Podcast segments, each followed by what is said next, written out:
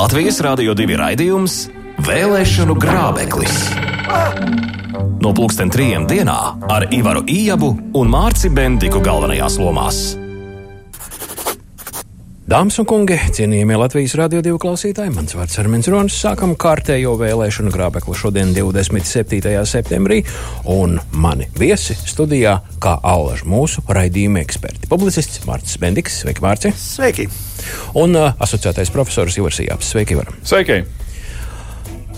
Raidījumu sākam kā parasti, uzdodot klausītājiem jautājumu, uz kuru aicinam atbildēt ar mūsu SMS servisu starpniecību. Tālrunis 29, 31, 22, 22, 29, 31, 22, un uh, Ivars Jāps uzdod jautājumu, uz kuru gaidām jūsu atbildes uz šo tālruni SMS formā, un balvā tas, kas man rokā. Īsts vēlēšana grābeklis. Vienīgais Latvijā, nu, vēl te gan uz galda pieci. Tieši tā. Un jautājums šodien ir sekojošs. Cik saraksti piedalījās 4. saimnes vēlēšanās, cik 1940. gada vēlēšanās un cik 1990. gada augstākās padomas vēlēšanās? Izsakot, mēs gaidām trīs skaitļus no jums, bet es atkārtoju vēl vienreiz jautājumu. Cik saraksti piedalījās 4. saimnes vēlēšanās, cik 1940. gada vēlēšanās un cik 1990. gada augstākās padomas vēlēšanās. Un, ja jūs atsūtītajā īsiņā ir trīs skaitļi pēc kārtas, tad mēs sapratīsim un mācīsim novērtēt, kam šodien pienāks vēlēšana grābeklis. Iepriekšējā raidījumā mēs solījām, ka šī mēs pieķersimies pie premjeras tēmas, un jums abiem diviem acīs bija stipri viltīgas zirgsteles. Vai es varu palūgt tās realizēties? Mārķis. Nu, mums ir beidzot nostabilizējusies uh, tradīcija, ka katrai partijai ir premjera kandidāts. Un, un, uh, tā ir, manuprāt, skaisti, uh, blēdīgi modificēta ideja no uh, attīstītākām demokrātijām, kur premjera kandidāts tiešām ir balotējis un ir premjera kandidāts. Uh, mums nu jau ilgus gadus ir bijis tā, ka vairākām partijām ir bijuši premjeras kandidāti, par kuriem ir skaidri no paša sākuma zināms, ka viņi nekur nekandidēs. Un dažas partijas pat reizēm ir izvirzījušas divus premjeras kandidātus, par kuriem ir bijis skaidrs, ka neviens ne otrs nekur netaisās. Un eh, šobrīd tas ir jau, manuprāt, pieaudzis jau līdz tādam absurda, um, absurda teātra līmenim, eh, ka daži ir nu, profesionāli premjeru kandidāti, kas turpina dzīvot ārpus Latvijas un nekandidēt. Nu, un tad ir tādi, kuri uh, nu, ir iesaistījušies šajā žanrā drusciņš svaigāk, veiksmīgi pārņemot šo absurda, absurda teātra žanru. Tā pārņemšana no tām vecākajām, jeb attīstītākajām demokrātijām, man liekas, ir diezgan strīdīga. Jo tas, man liekas, arī ir publiskās telpas un mediju jautājums, jo cilvēkiem gribās to personu konfliktu, vai ne? Ka ir kaut kāda, nu, mēs paskatāmies uz Ameriku, kur tešās divi parasti, mēs paskatāmies uz citām valstīm, kur ir dažādi šie valdības vadītāji kandidāti, tādi debates un duēļi, un kas tur tikai ne, un tad mēs domājam, ka mums taču arī vajag ne, kaut ko tādu. Eh, ja neskaita to, ka Amerikā ne, nevar būt tā, ka, eh, teiksim, labi, nesauksim vārdā ne demokrātus, ne republikāņus, teiksim, eh, zilo partijas prezidenta kandidāts piedalās debatēs, tikai viņš nekandidē vēlēšanās. Jā, jā nu, tas, tā ir taisnība. Tas, jā. manuprāt, Bet, ir pilnīgi absurds. Tā nekandidēšana vēlēšanās ir, manuprāt, tā pati atslēgas lieta. Tāpēc, ka par tiem nolūkiem, nu, tu nezini. Nu, varbūt, ka viņš kaut kur sirdī tomēr lolo to domu, ka viņš varētu kaut kā kļūt par premjeru. Tas ir tā strīdīgi. Bet tas, ka šie premjeru kandidāti nekandidē vēlēšanās un piedalās kā tādi parāda zirgi, vienkārši redz, ka partija parāda, nu, redz, kāds mums tur smuks vai nē, vai smuka. Un uh, tas nav īsti godīgi, man liekas, pret vēlētāju. Un, manuprāt, tas arī nu, nedaudz piezemē visu uh, politiskās kultūras līmeni, ka vispār uh, diezgan uh, neslēpta uh, blēdība tiek ievirzīta vislabākajos uh, ēteru laikos. Ja kā tā, lai cilvēki zinātu, kurš ir īstais un kurš ir neīstais? Premjerkandidāts? Nu, jāsāk ar to, ka partijām būtu jāpieturas pie kaut kādas loģikas. Ja partija ir līderis, tas normāli ir partijas priekšsēdētājs vai nu, nezinu, tur virsaicis vai barvedis, kā kurai partijas statūtos tas ir nosaukts, ka viņš startē vēlēšanās ar, visticamāk ar pirmo numuru kādā no apgabaliem. Un tad viņš piedalās diskusijās kā premjerkandidāts. Jo citādāk mēs, es domāju, ka pa mani varētu sākt mest ar tomātiem un rakstīt visādas jaukas lietas par to pašu SMS servisu, bet man liekas, ka piedošana tā ir viena Krievijas tradīcija, kad ir šie partijas līderi un premjera kandidāti vai prezidenta kandidāti, kuri paši nekandidē vēlēšanās. Klasisks piemērs ir, protams, mēs zinām, ka nu, Jeģinē Resīra, respektīvi vienotā Krievija, tradicionāli aizstāv prezidentu, kurš nekad nav bijis šīs partijas biedrs, vai ne? Bet tā tika uzskatīta par prezidenta partiju. Uh, vēl arī, protams, nāk klāt tas, ka uh, virknē partiju pietrūkst uh, labu uzticamu, izskatīgu diskutantu. Un tādā veidā tas tiek pieslēpts. Ja? Uh, nu, mēs zinām, ka nu jau pilnīgi šī žanra vecmeistars būs uh, Roberts Zīle, kurš vairākas reizes ir izvilcis, uh, nu, strauji uzlabojis, nu, ievērojami uzlabojis uh, nacionālās, uh, nu, kā nu kuro reizi sauc to nacionālo. Uh, uh, spēku, spēku kurā, kurā, kuru viņš pārstāvēja kā premjerministrs. Tāpēc, ka viņš ļoti labi izskatās televīzijā, viņš ir ļoti kompetents, viņš labi diskutē, viņš neizraisa pretrunas. Un, nu, mēs viņu redzēsim Bet vēl vienreiz. Varbūt, ka ja viņu tā ļoti nopietni uzrunātu un piedāvātu, varbūt viņš vienā brīdī, kā saka, liktu savas vieglās dienas pie malas, kā Blaumaņa Kristīna, jā, un tiešām jā. iet uz brīvības 36 nu, vadīt valdību. Viņš šoreiz to ir pat apsolījis. Tā, no, nu, šī ir tā reize, nu, kad no. bija paliela intervija šķiet uh, neatkarīgajā rīta avīzē, kurā viņš to ir apsolījis. Nu, uh, es, protams, varu, varu iedomāties, ka vispār tāds scenārijs teorētiski ir iespējams. Laikam. Nu, nu, kāpēc nē? Nu, jā, pie, ņemot vērā, ka gandrīz viss ir iespējams šogad.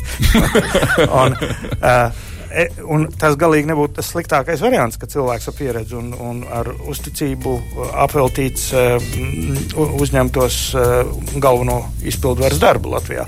Bet virkni no tām pārējām visām kombinācijām, kā mums tiek iebarots kaut kas, kas, kas nu, vāji atbilst tai, tam, tai reālajai izvēlē vēlēšanās. Nu, sāksim kaut vai ar tiem šajā ziņā Es zinu, ka ir Rīgas publikai ir diezgan apnikuši tie. tie mm, Ušakovs kunga portreti, kurš ir katrā autobusu dupši. Autobusu dupši un, un, jo nu, kāds sakars vispār vēlēšanām Ušakovs kungs nav nekur netaisās piedomām. Viņš šoreiz nav pat uh, premjerkandidāts. Viņš ir vienkārši vides objekts. Jā, tāds, tādā tāds, nozīmē, kā, jo arī saskaņas premjerkandidāts, kā zināms, ir Jočeslavs Dombrovskis. Jā, jā. jā, kurš varētu būt reāls kandidāts tādā nozīmē. Ja?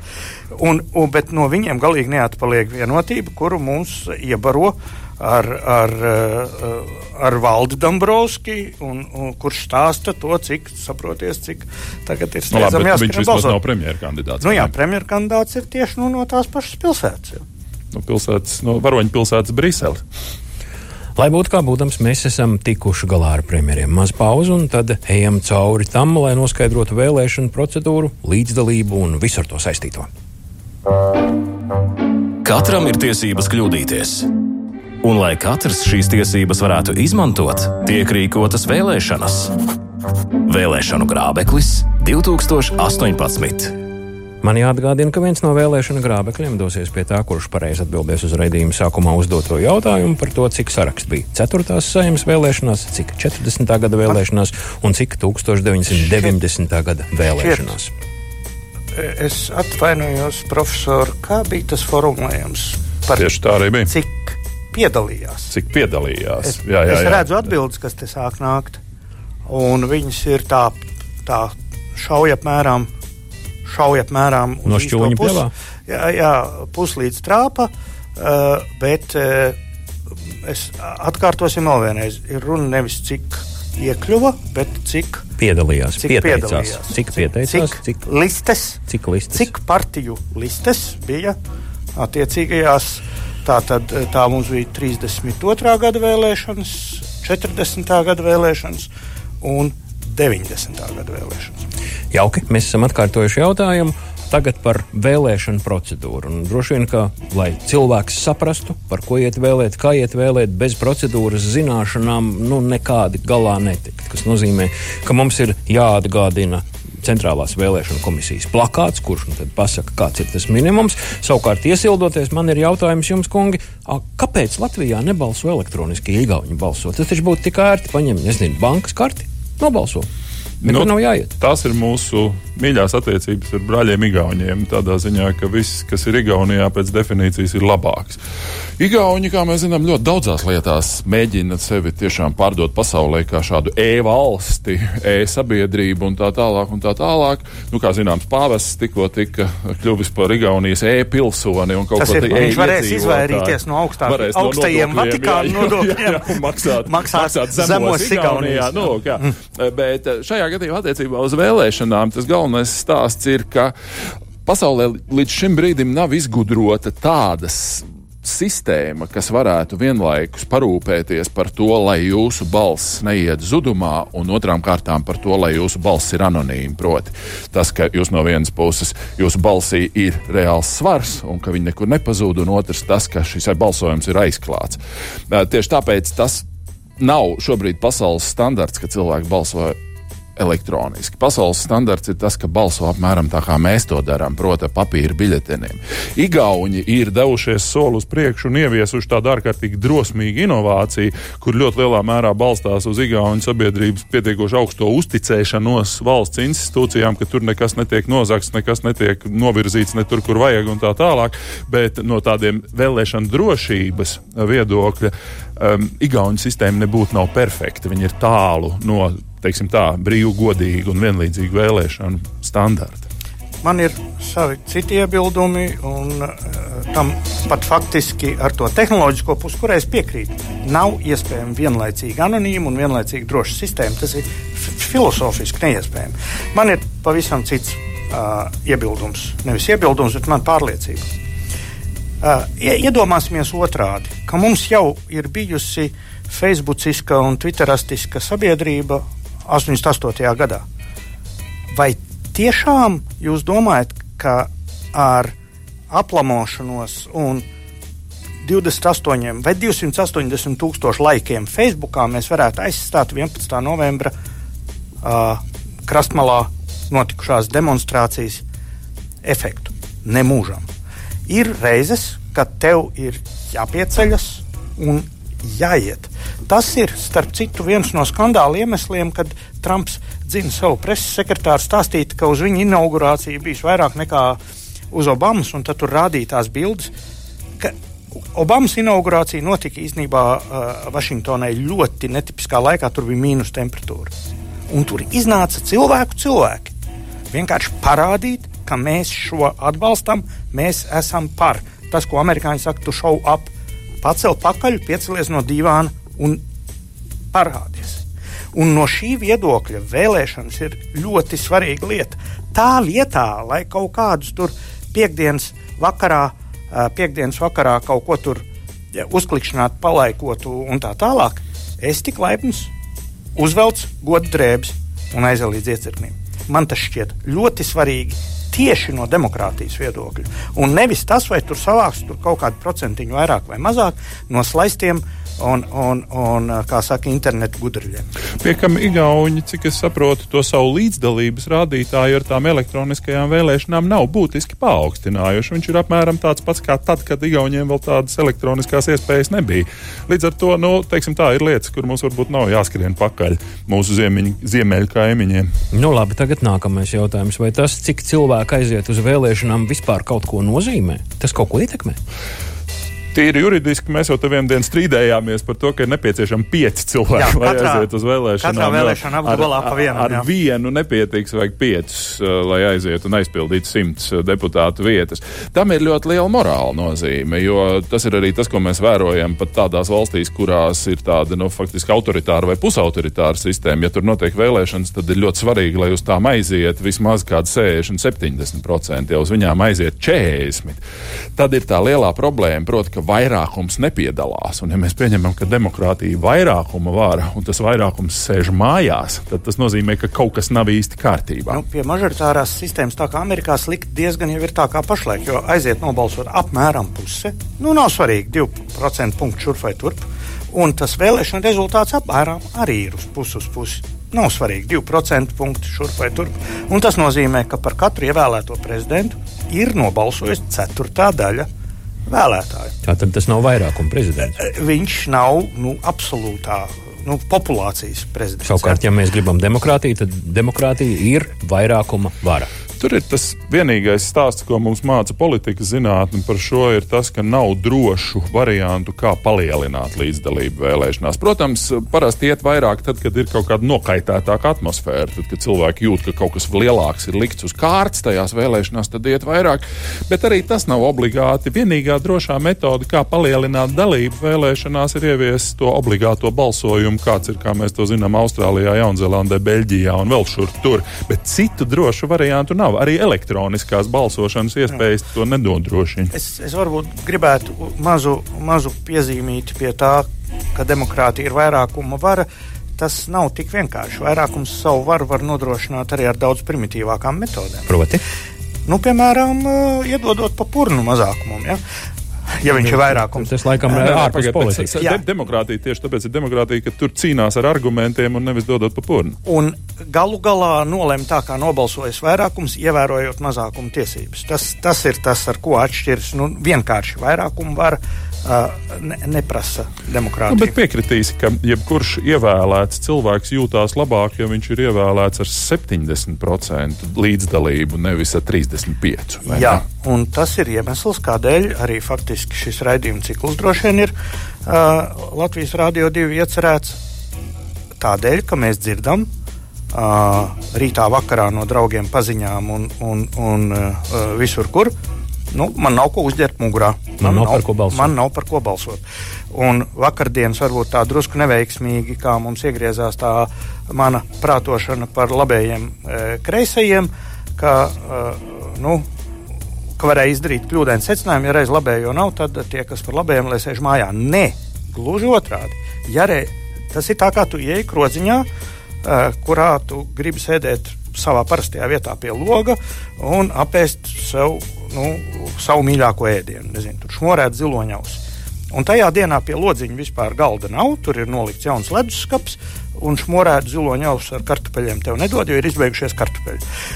Nu, tā ko nomirt? Iet tajā pakārties, vai tomēr izvēlēties citu vietu un ēst nākošo ēdienu, kas tev Nu, cerībā, ka viņš ar laiku varētu iepatikties nu, tāpat no svarīgi, kā tā nu, ziloņa auss. Tādēļ vien nav jānomirst badā. Ja? Jā. Un, un no šī viedokļa mans aicinājums bija, ja kāds no parametriem vispār neparādās, nu, piemēram, nevienā programmā nav e, teiksim, nu, piešķirta tautas tēva titulu Rēmondam Paulam. Nu, nav tāda punkta.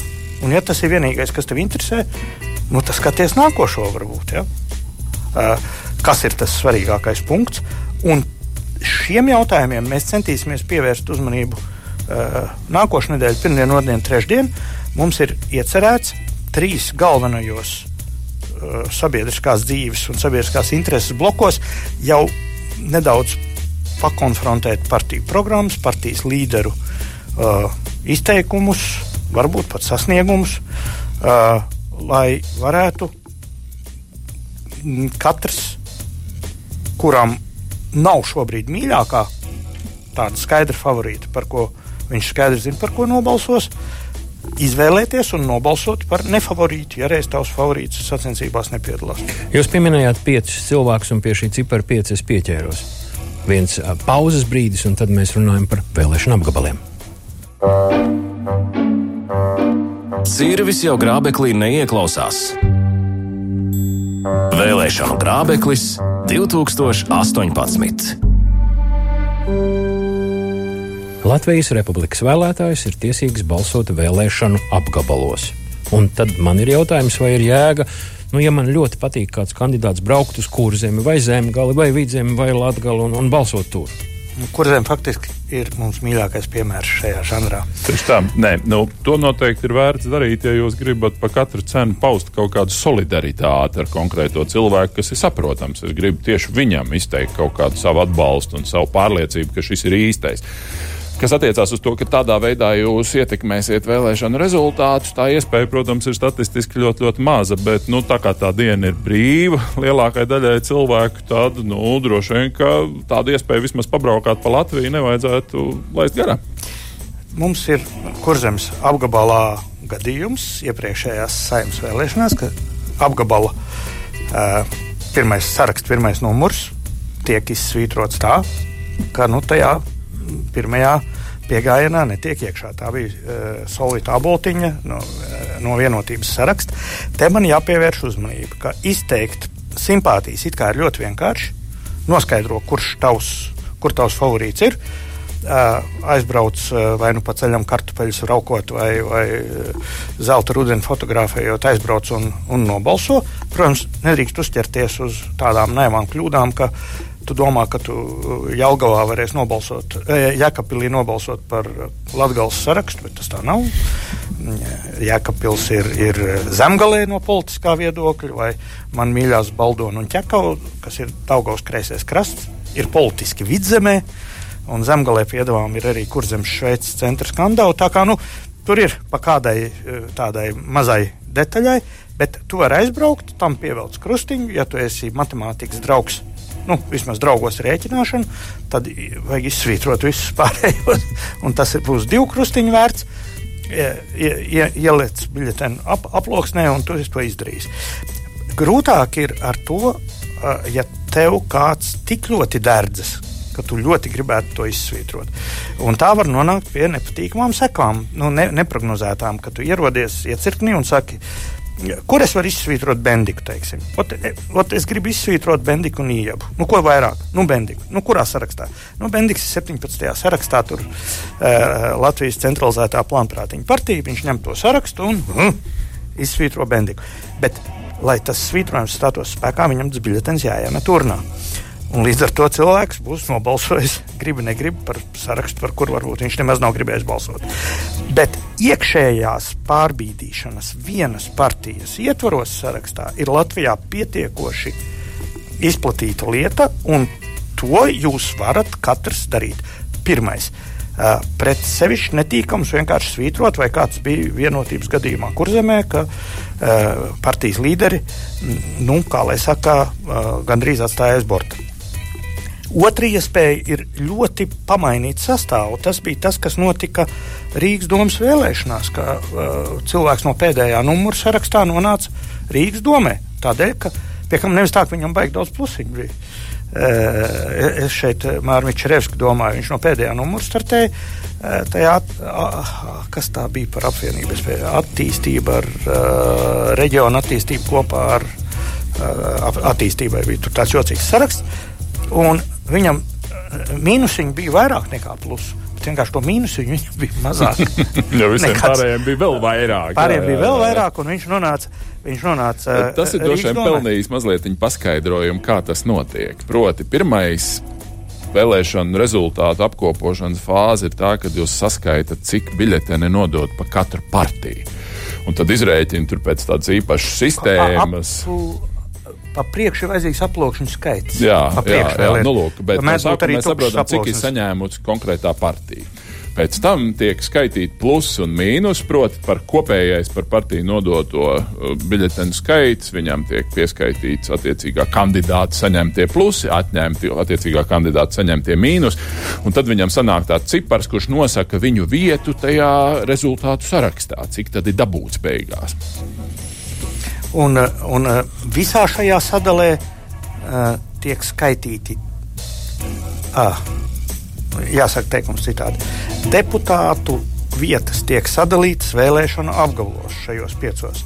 Bet pie vietu sadales tiek ņemtas vērā tikai balsis nodotas par sarakstiem, kas visā valstī ir saņēmušas 5% vai vairāk balsu. Jā, jā. Tā kā pa priekšu ir tas kopīgais skaits, cik ir vispār bijis uh, vēlētāju tajā reizē, balsotāju. Balsotāju skaits ir vienāds aploksņu skaits, neatkarīgi, kas tur bijis iekšā, vai tur ir piecīts ielikts, vai, vai, vai pasa. Jā, vai, vai kaut kāda, teiksim, broša mīļu sveicienu Cimdarkungam. Uh, un no, šis ir kopīgais skaits, tad skatās, cik ir partija saņēmusi. Ja viņi saņēmusi 5%, tad tie ie, tiek iesaistīti jau ļoti nevienkārši izskaidrojamā e, dancī, kā tiek sadalītas vietas apgabalos. Un šī sistēma ir aprakstīta Centrālās vēlēšana e, komisijas mājaslapā. Tur ir Man liekas, ka mums nevajadzētu īpaši. Tur ir PDF fails tiem, kas grib jā. to apskatīt. Tie, kas grib, tur ir ļoti saprotami un labi tas aprakstīts, kā notiek nu, saprotami, nu, nu, vienkāršāk vienkārši nevar vairāk. Vienkāršāk nevar, bet pārāk saprotam tas nav. Es domāju, ka arī klausītājiem šis bija mēreni nesaprotami, kaut gan Bendika kungs ļoti centās. Viņš tiešām centās. Jā. Muzikālā pauze un pēc tam mēģināsim risināt, ko darīt ar balsu pirkšanu. Nedrīkst nepārtraukti mānīt visus Un arī nevajag. Ar reizi četros gados pilnīgi pietiek. Vēlēšanu grābeklis 2018. 3,34 minūtes mans vārds ir Minčs Ronis studijā. Mārcis Bendiks, publicists, Ivars Jāps, universitātes profesors. Mēs esam noslēguši acīm redzot konkursu, jo no pietiekami liela atbildžu skaita ir parādījusies gan pirmā, gan pareizā atbilde. Pēc brīža mēs runāsim par balsu pirkšanu. Bet, ja, ja šis ir piemērots brīdis, lai noslēgtu mūsu konkursu, tad Mārķis, ja jūs to varat izdarīt. Jā, um, labprāt, jo uh, Ivars bija iecerējis jautājumu. Uh, pirmajā variantā viņš bija pārāk vienkāršs, un mēs tur pielikām klāt nu, blēdībiņu, mazu blēdībiņu. Tas ir jautājums bija par vēlēšanu listēm. Un ir sarakstiem. sarakstiem. Un ir pietiekoši daudz pareizu atbildžu saturiski, kas uh, cits starpā piemin, ka 103 saraksti bija uz 4. saimnes vēlēšanām pieteikti. 40. gada vēlēšanas, kas notika pēc tās pašas satversmes, bet Bet bija nedem nedemokrātiskas. Jā, un tur tika pielaista tikai viena liste, un visas pārējās tika uh, visādi represētas. Bet augstākās padomas vēlēšanas notika vēl pēc Brežņeva konstitūcijas, kur nav nevienas listas paredzētas, kas ir mažoritārā vēlēšana sistēma. Un te cilvēki pareizi norāda, ka tur bija divi vēlēšanu bloki, bet tas ir tā politiskā realitāte, nevis konstitucionālā.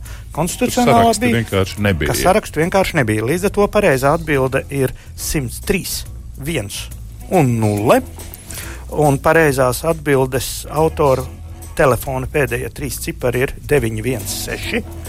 Uh, autors mums šobrīd ir anonīms, bet uh, noteikti... Sazvanīsim, sameklēsim, nodosim jā, tieši mums šo. te bija ienākusi starplaikā maza tāda neapmierinātība ar iepriekšējo uzvarētāju. Visi savus nebija... grābekļus dabūs vēlētājs, jā. bez grābekļa nepaliks. Jā, jā uzvar, uzvarošs vēlētājs. Labi, kungi, paldies par šo. Tagad, ko tad darīt ar vienu no lielākajām šmucēm, kāda vispār, manuprāt, ir iespējama balsu pirkšana? Nu, Latvijā viņa, paldies Dievam, nekad nav uzņēmusi tādus apjomus, lai varētu kāds apšaubīt vēlēšanu eh, leģitimitāti, nu, izņemot vienu vien pašvaldību epizodi. Bet kopumā tā ir realitāte, ar kuru ir eh, jācīnās. Un es domāju, ka mēs ar to arī cīnāmies. Nu, joprojām, kā mēs zinām, viena lieta par to tiek iztiesāta. Acīm redzot, joprojām īpaši ārpus lielajām pilsētām ir entuziasti, kas tādā veidā mēģina kaut kā izmainīt to jā, tautas man, gribu. Man, man arī tas ir tomēr šķities, ne, nu, ka ar to nodarbojas cilvēki, kas varbūt ir um, nu, saka, ļoti entuziasma pārpilni.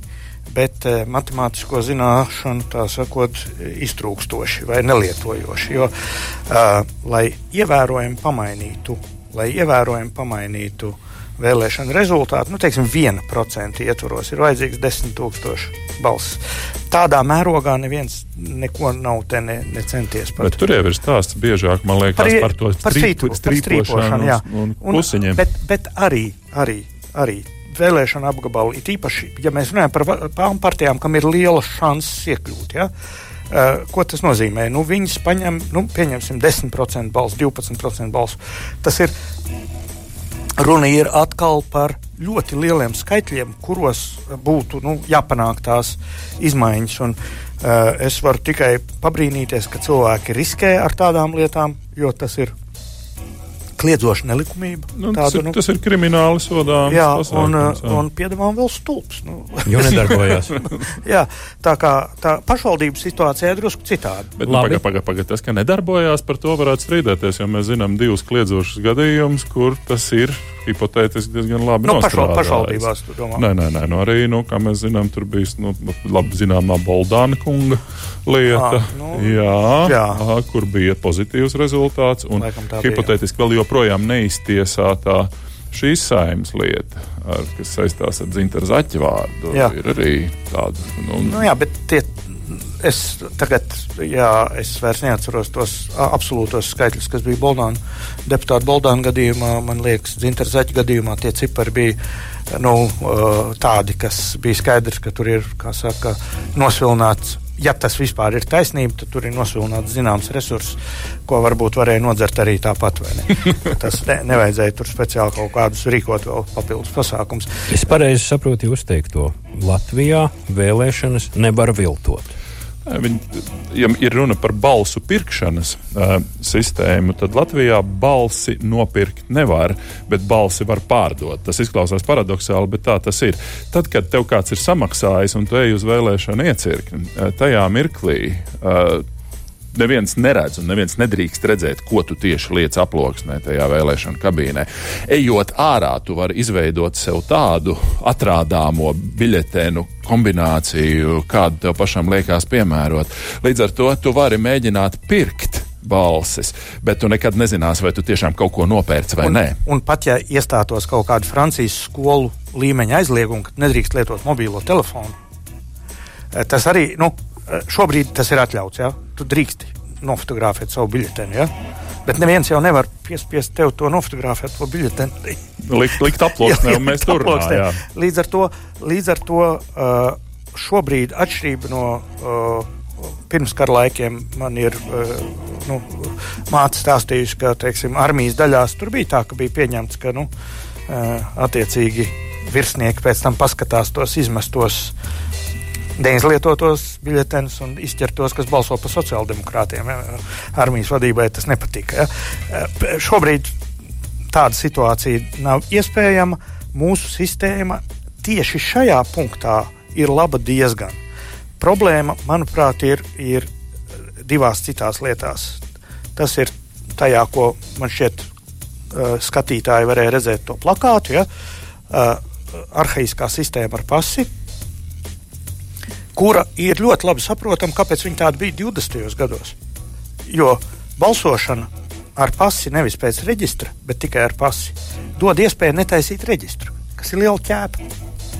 Un tajā laikā, ja tev ir balsotības, tev ir derīga pase, tu ej, nobalso, tev ieliek zīmogu, gatavs. Uh, var netaisīt reģistru. Uz šo brīdi reģistrs pirmkārt ir viņš tiek lietots pašvaldību vēlēšanās, vēlētāja reģistrs. Vēlētāja reģistrs tiek lietots Eiropas Savienības vēlēšanās. Nav nekāda pamata neuztaisīt reģistru arī uh, šīm vēlēšanām, tad varētu balsot vienkārši ar uh, ID karti. Tad, tur vēl ir jāpaskaidro, kas ir vēlētāju reģistrs. Vēlētāju reģistrs ir tā institūcija, kas jums sūta pirms pašvaldību vēlēšanām norādi, uz kuru iecirkni jums ir jādodas balsot. Jo uh, pašvaldību vēlēšanās jūs nevarat balsot, Jā. kur jūs vēlaties. Saimnes vēlēšanās jūs varat balsot, kur jūs vēlaties. Un tā ir viena šī paša uh, vēlētāju reģistra neesamības priekšrocība. Jo tad mēs būtu piesaistīti tai vietai, nu, kur tad tad mēs esam pierakstīti. Mēs nedrīkstētu balsot saukrastos, piemēram, kā es, to dara ļoti daudz rīznieku. Un es, es atbalstītu sistēmu, ka tad ir jēga saglabāt vēlēšanu apgabalu sistēmu. Ja vēlēšana apgabalā balso tie, kam ir darīšana ar šo apgabalu.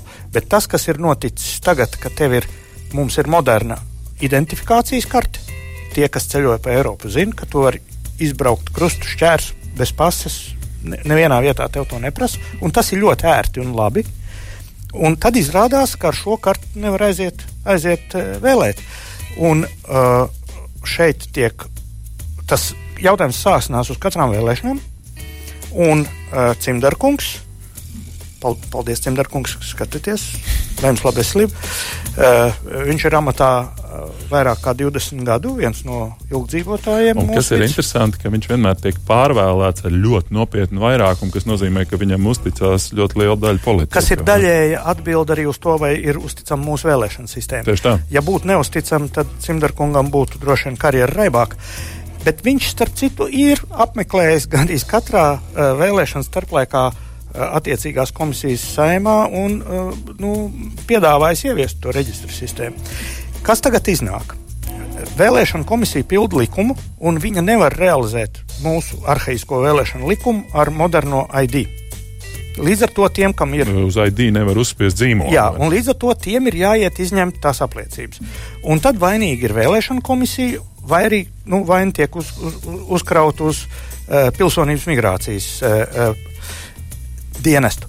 Tas ir nepamatoti. Vainīga ir politiskā elite, kur negrib drusciņi izkustēties. Nu, jā, bet droši vien, tā morāla šobrīd ir tāda, ka, lai gan sistēma nav perfekta, viņa tomēr ir gana uzticama, lai mēs varētu nākamajā sestdienā mierīgi un droši vēlēt par nākamo parlamentu. Ko mēs visiem iesakām? Tieši tā. Kontrastam viena no ziņām mūsu SMS servisā - noriebušās tās vēlēšanu reklāmas un visa veida aģitācija. Totāli. Kamēr eksistē šī nedemokrātiskā, bet gan partokratiskā vēlēšanu sistēma, var balsot vai nebalsot, viss būs tā, kā partokratikai vajadzēs. Ansis raksta, un tagad jūsu darbs, kungi, ir pateikt, ka Ansim nav taisnība tā, lai viņš jums notic.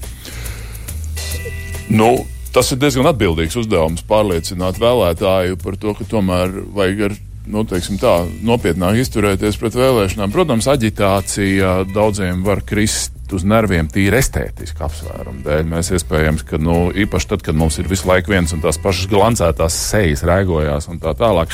Bet nu, par estētiku jau te nav runa. Te ir runa par to, ka nu, vēlēšanu reklāmās tiek izgrūsta milzīga nauda, un tie, kuriem tā nauda ir, tie, viņi, tiem ir ko grūst, tiem, kam nav, tiem attiecīgi nav.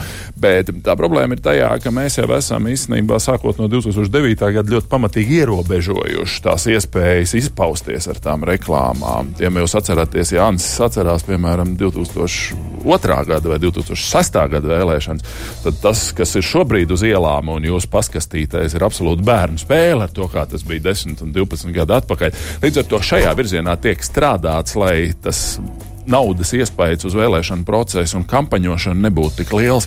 Es varbūt par to uh, vārds noriebies. Man šķiet, ka vairāk ir tāds emocionāls, ka tu nevari izbraukt cauri pilsētai, neskatīties uz eh, nepārtraukti, ne, ne, netiekot pakļauts visādu nu, sejām šausmīgām. Nu, jā, ja? nu, televizorā. Uh, un, uh, nu, bet tas ir tā, tāpat kā, nu, es nezinu, uz dziesmu svētkiem ir uh, satiksme traucēta Rīgā.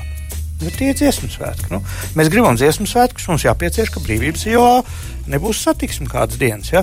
Un tāpat jā, vēlēšanām. Nu, ja mēs gribam demokrātisku valsts pārvaldi, ir nepieciešams vēlēšanas, un ja vēlēšanas notiek bieži vien uz emocionāliem, nevis ideiskiem pamatiem, tad būs aģitācija un propaganda. Bez tā nevar iztikt. Tas iet kopā. Skaidrs, ka mēs varētu gribēt, lai partijas būtu drusku gaumīgākas. gaumīgākas. Tieši tā, jo nu, ir lietas, kas tiešām ir uh, nu, tuvu derdzīgām, bet nu, uh, es ceru, ka vēlētāji to arī kaut kā pratīs, eh, pratīs uh, savu attieksmi paust. Kas attiecas uz naudām, tad mēs esam uh, savā ziņā uh, jaunā situācijā. Uh, pirmā lieta ir tā, ka ir nostrādājis, acīm redzot, tas, ko pirms 10, 15 gadiem iecerēja uh, nožņaukt uh, iespējas uh, reklamēties televīzijā, kas vispār samazina uh, nepieciešamību pēc ļoti lielas naudas ka var iztikt ar lielu naudu. Ja.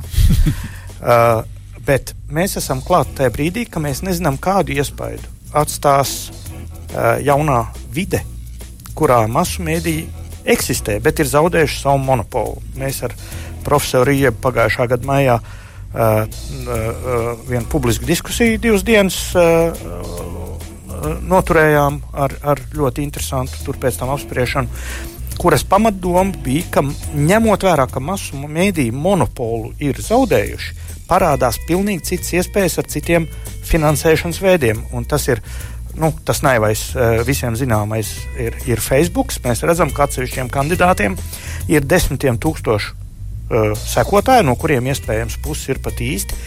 Un kas ir, ka viņu ziņa vienā sitienā ar nulles cenu nonāk pie vairāk cilvēkiem nekā, ja tas būtu uz pirmās lapas lielākajā dienas avīzē, kas nemaksā neko. Līdz ar to šis spēku samērs mainīsies un, un kā tas at, atsauksies uz rezultātiem, uh, to mēs nezinām. Tieši tādēļ vēlēšana prognoze šogad būs vis, uh, nu, saka, visriskantākās, vismazāk precīzās. Daudz vairāk tas būs uh, tā kā vinnēt loterijai, nevis uzlikt pamatotu prognozi. Labi, paldies par šo atbildi uz klausītāju diezgan emocionāli rakstīto. Ievelkam elpu un tad parunājam par to, kā no balsīm nonāk līdz mandātiem. Saka, ka vēlēšanu biļetens ir stiprāks par lodi. Tātad ar to var savārīt vēl lielākas ziepes. Vēlēšanu grābeklis 2018.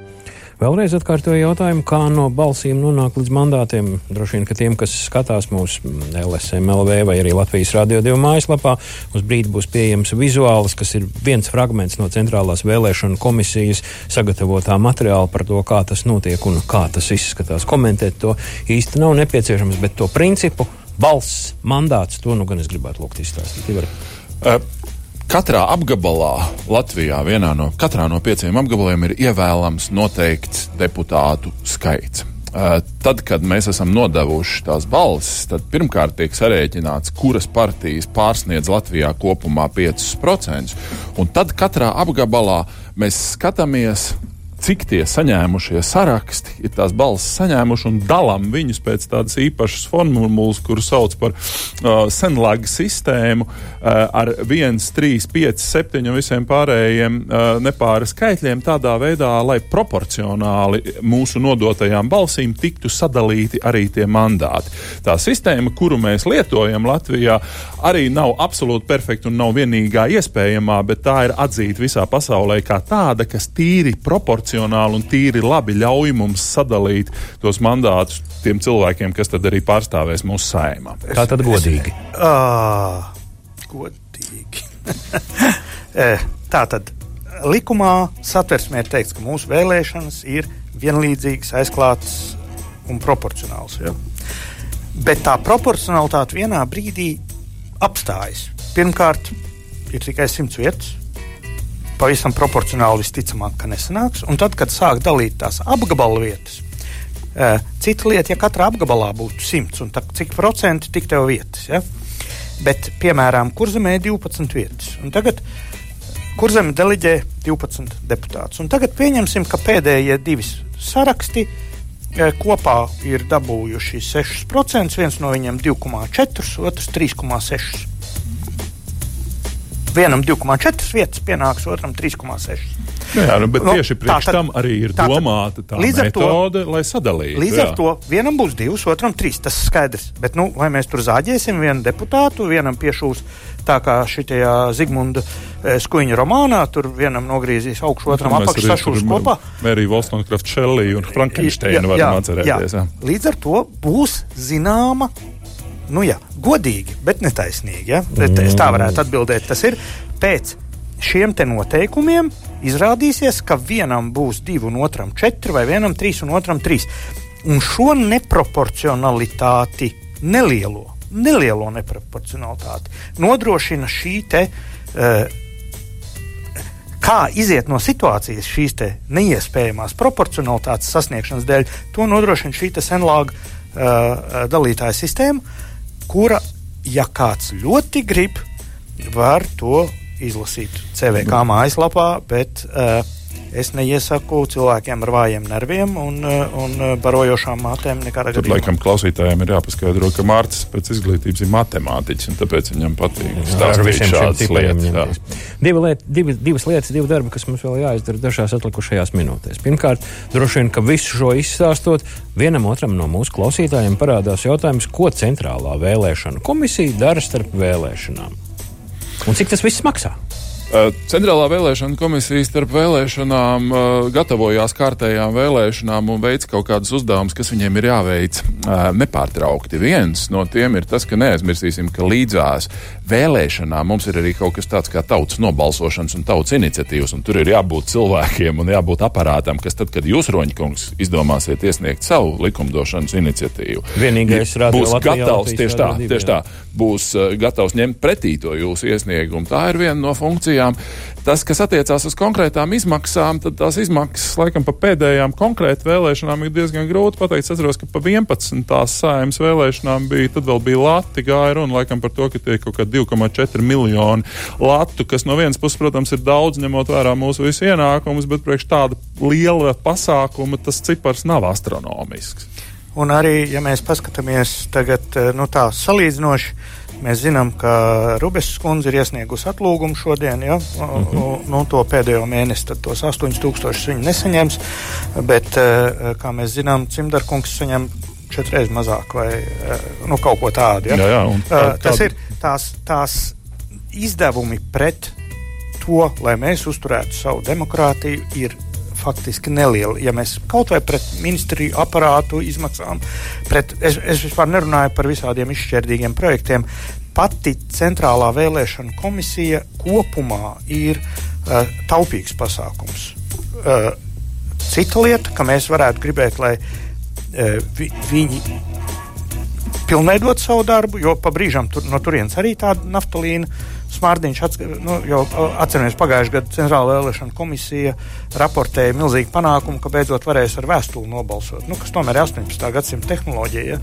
Uh, nu, tā, uh, kas, nu, tā neiekļaujās. Ja, varbūt tomēr, ja viņi būtu labāk uzspieduši uz, uz virkni lietām, kas mums tagad būtu vajadzīgas. Tā kā, tā kā es domāju, ka tā kā pašlaik lietas iet, mēs drīzāk varētu vēlēt centrālajai vēlēšana komisijai veiksmes un nezāģēt viņus par, par kur to, nevajag. kur tā, nevajag. Tāpēc, ka daudzas labas lietas viņi jau ir iet. Uzsākuši, piemēram, viena no tādām ir tā, ka deputātu kandidāti var pieteikties elektroniski. Viņiem nav jāskrien uz turieni ar savām cedelēm. Jauki, paldies, šis skaidrojums ir izdarīts. Pavisam maz laika. Ko darīsim rīt? Rītdien mēs nodarbosimies ar jautājumu, vai Latvijā vispār kaut kas tiek izlemts. Ja, proti, ja, mē, ja šeit nekas netiek lemts un viss tiek lemts Briselē vai Vašingtonā, tad kāda jāiet uz vēlēšanām. Mēs mēģināsim cīnīties ar šo mītu un teikt, ka tam, kas tiek darīts Latvijā, šeit pat uz vietas, mūsu jēkabielā un citās vietās, ir ļoti liela, liela, liela nozīme. Tas nozīmē, ka viss notiek uz vietām. Gandrīz. Gandrīz. Kongi, paldies par mūsu šīs dienas sarunu. Latvijas Rādio 2 klausītāji, LSM skatītāji vai Latvijas Rādio 2 mājaslapas skatītāji. Paldies, ka skatījāties, paldies, ka piedalījāties. Šis ir raidījums vēlētājiem, lai palīdzētu jums izdarīt savu izvēli, un lai kāda tā būtu, tā ir jūsējā, un lai to izdarītu, ir jāiet vēlēt. Par to mēs arī stāstām deviņu raidījumu ciklā. To darīsim rīt šajā pašā laikā. Ja patīk šis, lūdzu, klausieties nākamo. Lai beidzas! Izskan Latvijas Rādio 2 raidījums Vēlēšanu grābeklis.